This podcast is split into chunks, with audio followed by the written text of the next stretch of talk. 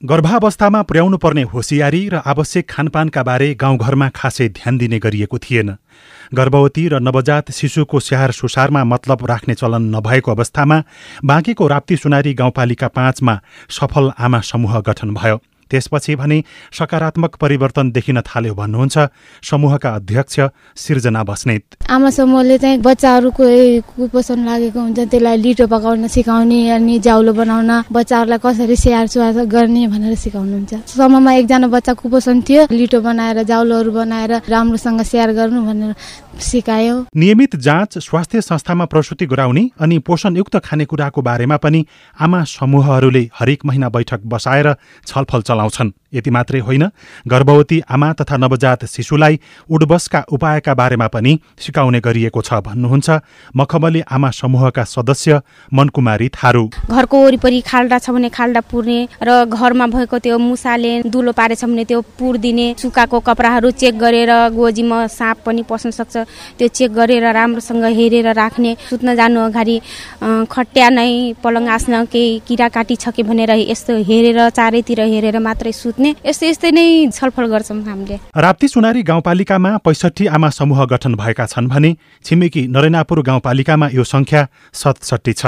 मातृ तथा नवजात शिशु मृत्युदर कम गर्न आमा समूहले महत्वपूर्ण भूमिका खेलेको बताउनुहुन्छ नरेनापुर गाउँपालिकाका स्वास्थ्य संयोजक मोहम्मद मोहिन खान। भावी सन्तानलाई राम्रो हुनका लागि आमा समूहबाट नै गाउँबाट नै पहिलो परामर्श हुन्छ।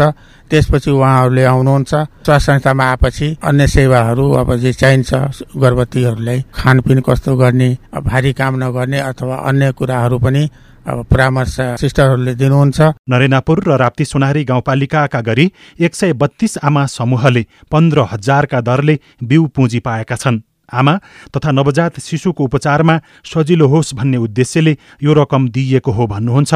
आइएनएफ बाँकेका क्लस्टर म्यानेजर श्याम बेक। चार वर्षको अवधिमा हामीले विशेष गरी यो मातृ तथा नवजात शिशुको यो मृत्यु दरलाई घटाउनको लागि हामीले चाहिँ डिमान्ड साइडमा र सप्लाई साइडमा दुवै हामीले काम गरेका छौँ जस्तो माग र पूर्ति दुइटै साइडमा हामीले काम गरेका छौँ जस्तो अब यदि गाउँपालिकामा अथवा चाहिँ लोकल स्तरमा रहेको त्यहाँको हेल्थ पोस्टहरू जुन छ त्यहाँको के के मागहरू छ जस्तो हुनसक्छ इन्फ्रास्ट्रक्चरको हुनसक्छ त्यहाँको इक्विपमेन्टको कुराहरू हुनसक्छ इन्फ्रास्ट्रक्चरमा हामीले चाहिँ सपोर्ट गरेका छौँ। राष्ट्रिय स्वास्थ्य सर्वेक्षण दुई हजार सोह्रका अनुसार नेपालमा एक लाख गर्भवती हुँदा दुई सय अन्ठाउन्नजना आमाको मृत्यु हुन्छ भने एक हजार बच्चा जन्मदा एक वर्ष मुनिका बीसजना शिशुले ज्यान गुमाउँछन्।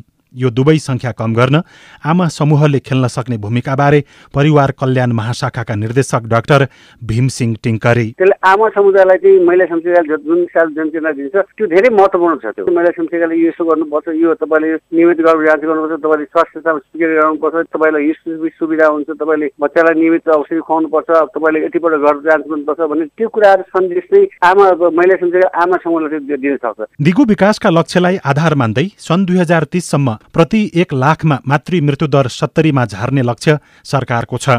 स्वास्थ्य स्वयंसेवीका मार्फत मुलुकभरमा रहेका बाहन्न हजार भन्दा धेरै आमा समूहलाई बाँकेमा जस्तै प्रभावकारी रूपमा परिचालन गर्न सके मातृ तथा शिशु मृत्युदर कम गर्ने सरकारको लक्ष्य प्राप्त गर्न सहयोग पुग्ने देखिन्छ। लील प्रकाश चन्द सिआइएन काठमाडौँ।